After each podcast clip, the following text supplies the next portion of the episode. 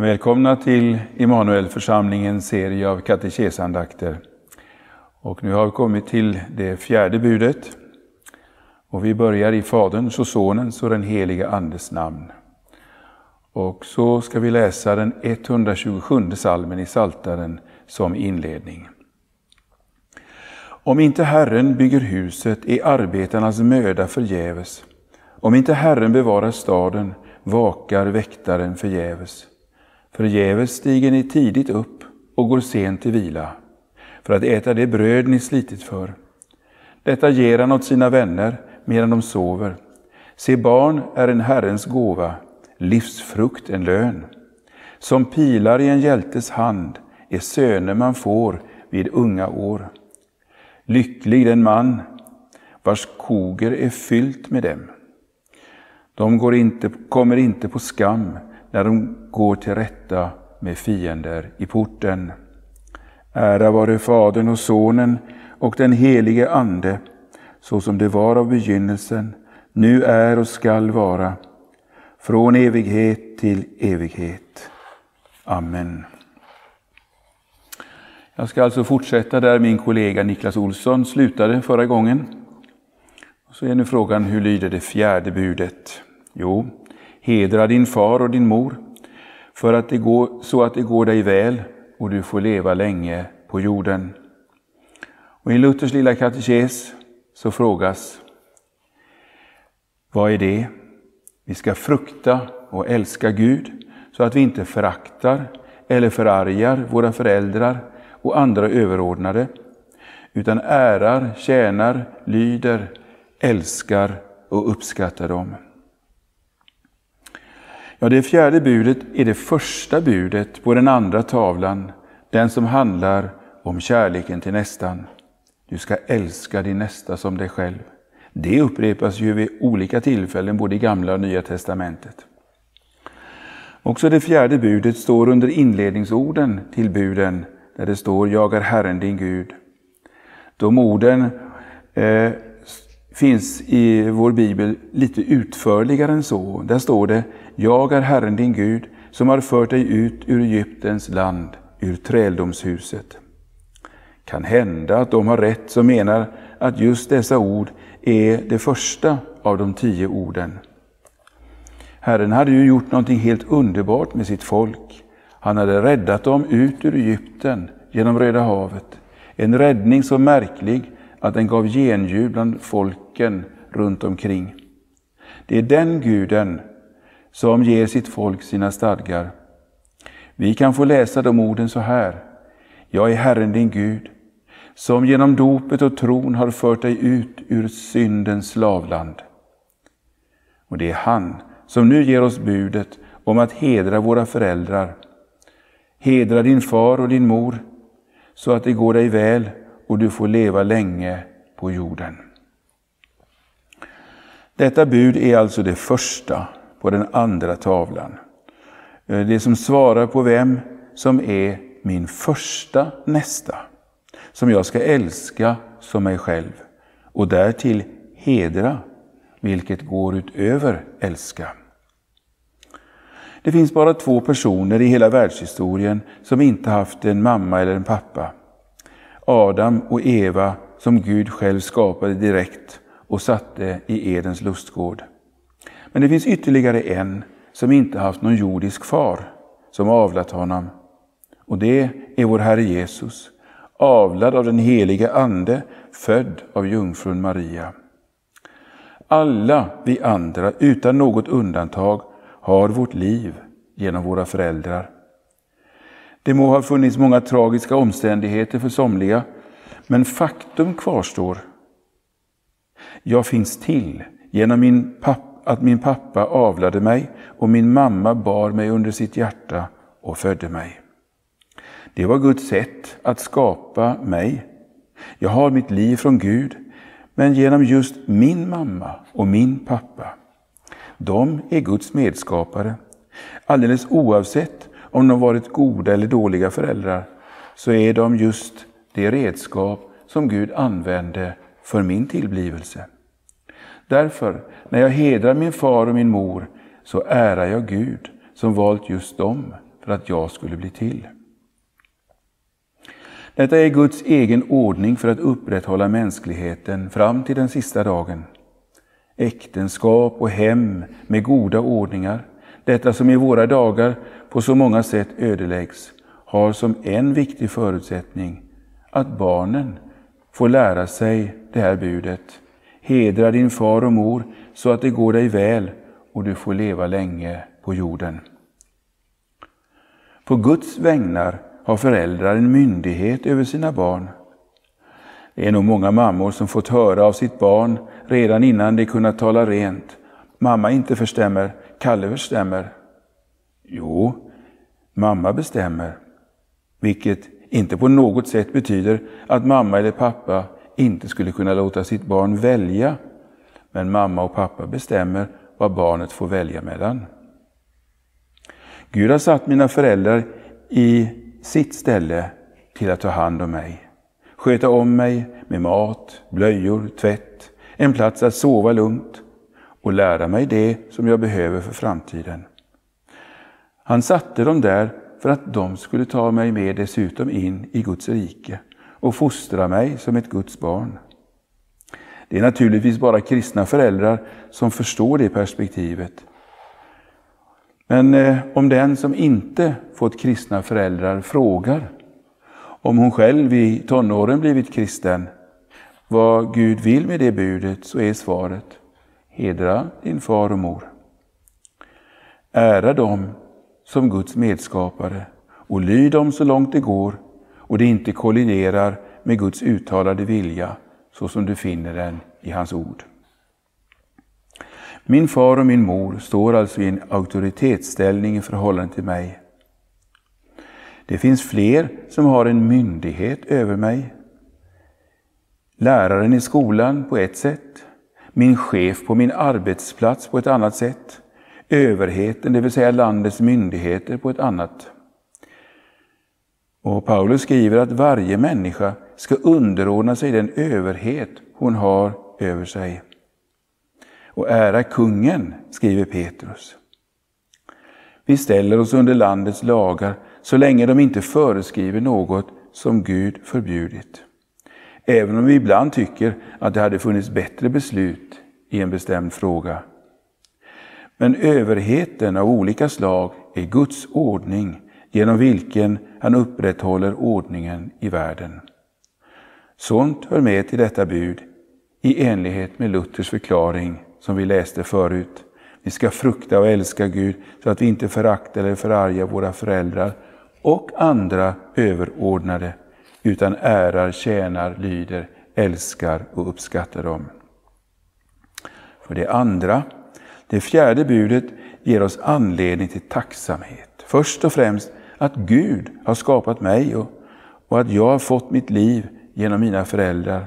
Att jag är jag och att Gud ville mig. Det ville han genom mina föräldrar och han skapade mig som en evighetsvarelse som erbjuds det eviga livet. Ja, för att jag skulle få leva i evighet i en gränslös lycka, glädje, jubel och lovsång. Så skapade Gud mig genom mina föräldrar. Jag har anledning att tacka Herren för all den tid, all den omsorg, allt det lidande, den smärta och, om de är kristna, förböner för mig. En tacksamhet som jag uttrycker i ord till Herren, men också så länge de lever i ord och handling och i hedrande hållning gentemot mina föräldrar. När vi har blivit äldre och våra föräldrar inte längre lever, så kan jag hedra dem främst genom att tacka Gud för att jag har fått mitt liv genom dem. Jag visar den tacksamheten genom att fortsätta hedra dem, till exempel genom att tala väl om dem och avstå att säga något om deras svagheter, brister och synder. De är ju inte så svåra att upptäcka, men kärleken övertäcker en mängd synder. Även om det kan finnas sådant som behöver bearbetas på grund av besvärande brister i deras sätt att vara föräldrar. Den som är gift och har en maka eller make har också anledning att se på sina svärföräldrar i det fjärde budets ljus. Ja, det är min kallelse att hedra min makes eller makas föräldrar på samma sätt som mina föräldrar. Ja, det finns en stor anledning till tacksamhet för att Gud har inrättat mänskligheten så att det ska finnas hem där två människor har ett stort ansvar att föra livet vidare. Det är också anledning till tacksamhet att det faktiskt finns en överhet, att det finns ledare i samhället. De må vara bättre eller sämre, men utan dessa skulle det bli anarki, samhälleligt kaos. För det tredje, när jag låter det här budet lysa över mig och det liv jag levat, så finns det så mycket som inte stämmer. Jag har inte i tacksamhet hedrat mina föräldrar. Och när man blir äldre som jag och inte har dem i livet och ser alla de synder jag begått, då kan anklagelsernas mörker bli djupt. Ja, jag får bekänna att jag så ofta inte gjorde eller ville göra det som de ville och sa åt mig att göra. Alla gånger jag uppträtt ovärdigt, ja uppstudsigt. Senare kanske också likgiltighet för deras bästa när de har blivit gamla.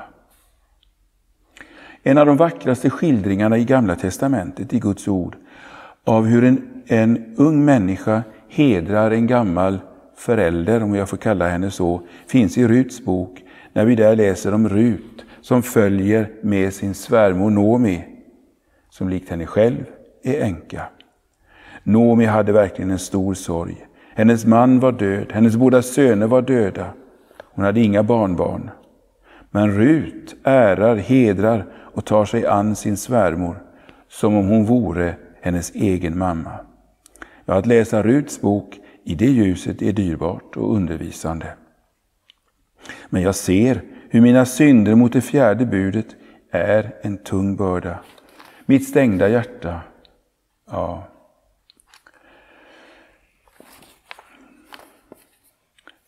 Vidare, i Romarbrevet 13 så skriver Paulus, därför måste man underordna sig den överhet, eh, inte bara för straffets skull, utan också för samvetets skull.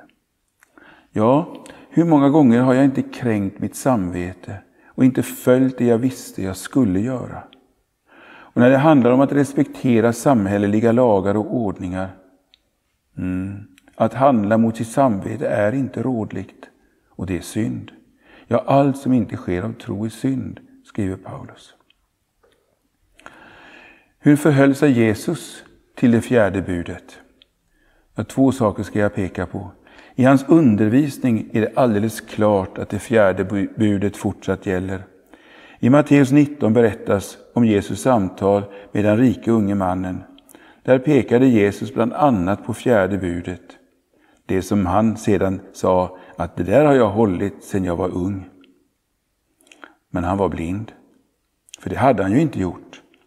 I skildringen av Jesus som tolvåring i templet, och det är det andra, så får vi se två saker. Jesu far. Det visar sig där. Eh, hans verkliga far, det var Gud. Och det markerade Jesus mycket tydligt som tolvåring. Josef var hans styvfar. Men det också står det att han följde med dem tillbaka till Nasaret. Och Lukas skriver då, och han var alltid lydig mot dem. Ja, här var den ende som aldrig någonsin bröt mot det fjärde budet, liksom något annat bud heller. Han var den rene, den helt igenom rene och helige. Men sen blev han gjord till synd för att bära straffet för våra synder när han på korset blev en förbannelse för vår skull. Så att jag kunde få förlåtelse för alla, ja alla mina synder, även mot det fjärde budet. Ja, till sist, det fjärde, pekar vi på några viktiga böneämnen. Du som är vuxen och har dina föräldrar i livet, så har du både ett tacksägelseämne och ett förbönsämne, att be för dem i innerliga förböner. Är de gamla så är det inte alltid så lätt att bli gammal. Och förbönen för dem betyder så mycket. Är de inte kristna, men du är det, så är det allra viktigaste böneämnet att Herren ska föra dem till tro innan de bryter upp. Det hör med till att hedra sina föräldrar. Vi får be för alla föräldrar och hem, i synnerhet de familjer och hem som finns i vår närhet, i vår församling, med bön för alla föräldrar att få vishet att vara goda föräldrar. Somliga av oss har barn som vuxit upp och bildat familj. Här finns stora böneämnen. I en tid när hela familjeinstitutionen ifrågasätts och undermineras genom regnbågskulturens intensiva arbete och genom den normkritiska pedagogiken i förskola, grundskola och gymnasium som hotar att ödelägga hela Guds grundläggande konstruktion för människolivets eller människosläktets fortbestånd, så är det en kallelse till Guds församling och kyrka att bedja, ropa, bekänna, att be om att unga kristna får mod att gå mot strömmen, att de kristna hemmen kan leva ett genuint kristenliv mitt i tiden. För somliga barn och unga uppstår en mycket svår situation när hemmet går sönder därför att äktenskapet kollapsar. Det blir en svår konflikt för en ung människa när hon ska hedra föräldrar som vanära varandra. För de barnen behöver den kristna församlingen be alldeles särskilt. Till det fjärde budet knyter Gud ett löfte om välsignelse på jorden. Det stod ju, hedra din far och mor, så att det går dig väl och du får leva länge på jorden. Så att. När man kastar detta bud över ända så visar det sig, förr eller senare, att man gick en olycklig framtid till mötes. För att inte tala om evighetens stora olycka, att gå miste om välsignelsen, att få vara tillsammans med hela Guds stora familj i den himmelska festsalen och vandra i de himmelska trädgårdarna runt alla de vackra husen, där Guds folk ska leva i glädje i evighet. Amen. Låt oss be.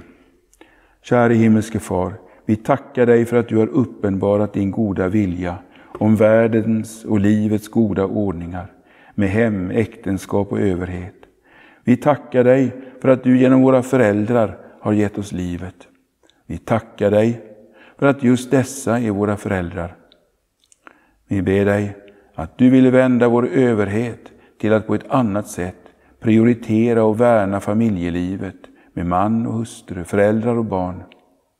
Hjälp alla föräldrar att ta emot föräldrauppgiften av dig och vårda sina barn som de dyrbara evighetsvarelser de är. Jag välsignar alla kristna föräldrar att med trohet till dig fostra sina barn i kärlek och fasthet.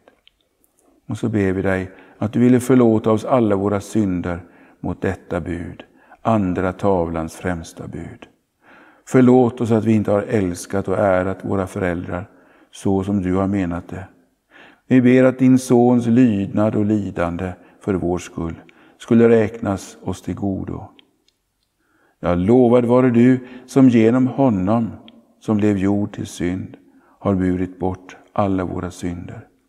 Hjälp oss nu att tro det och så få ta emot den välsignelse som du har lagt i detta bud. Amen. Vi ber. Fader vår, som är i himmelen. Helgat varde ditt namn. Tillkommer ditt rike. Ske din vilja så som i himmelen, så och på jorden. Vårt dagliga bröd giv oss idag och förlåt oss våra skulder så som och vi förlåta dem oss skyldiga äro. Och inled oss inte i frestelse, utan fräls oss ifrån ondo. Ty riket är ditt och makten och härligheten i evighet. Amen. Herren välsigne dig och bevara dig för allt ont och före dig en gång till det eviga livets glädje. Amen. Andakten avslutas med en vers ur salmen 871, eh, den femte versen i salmer 1991.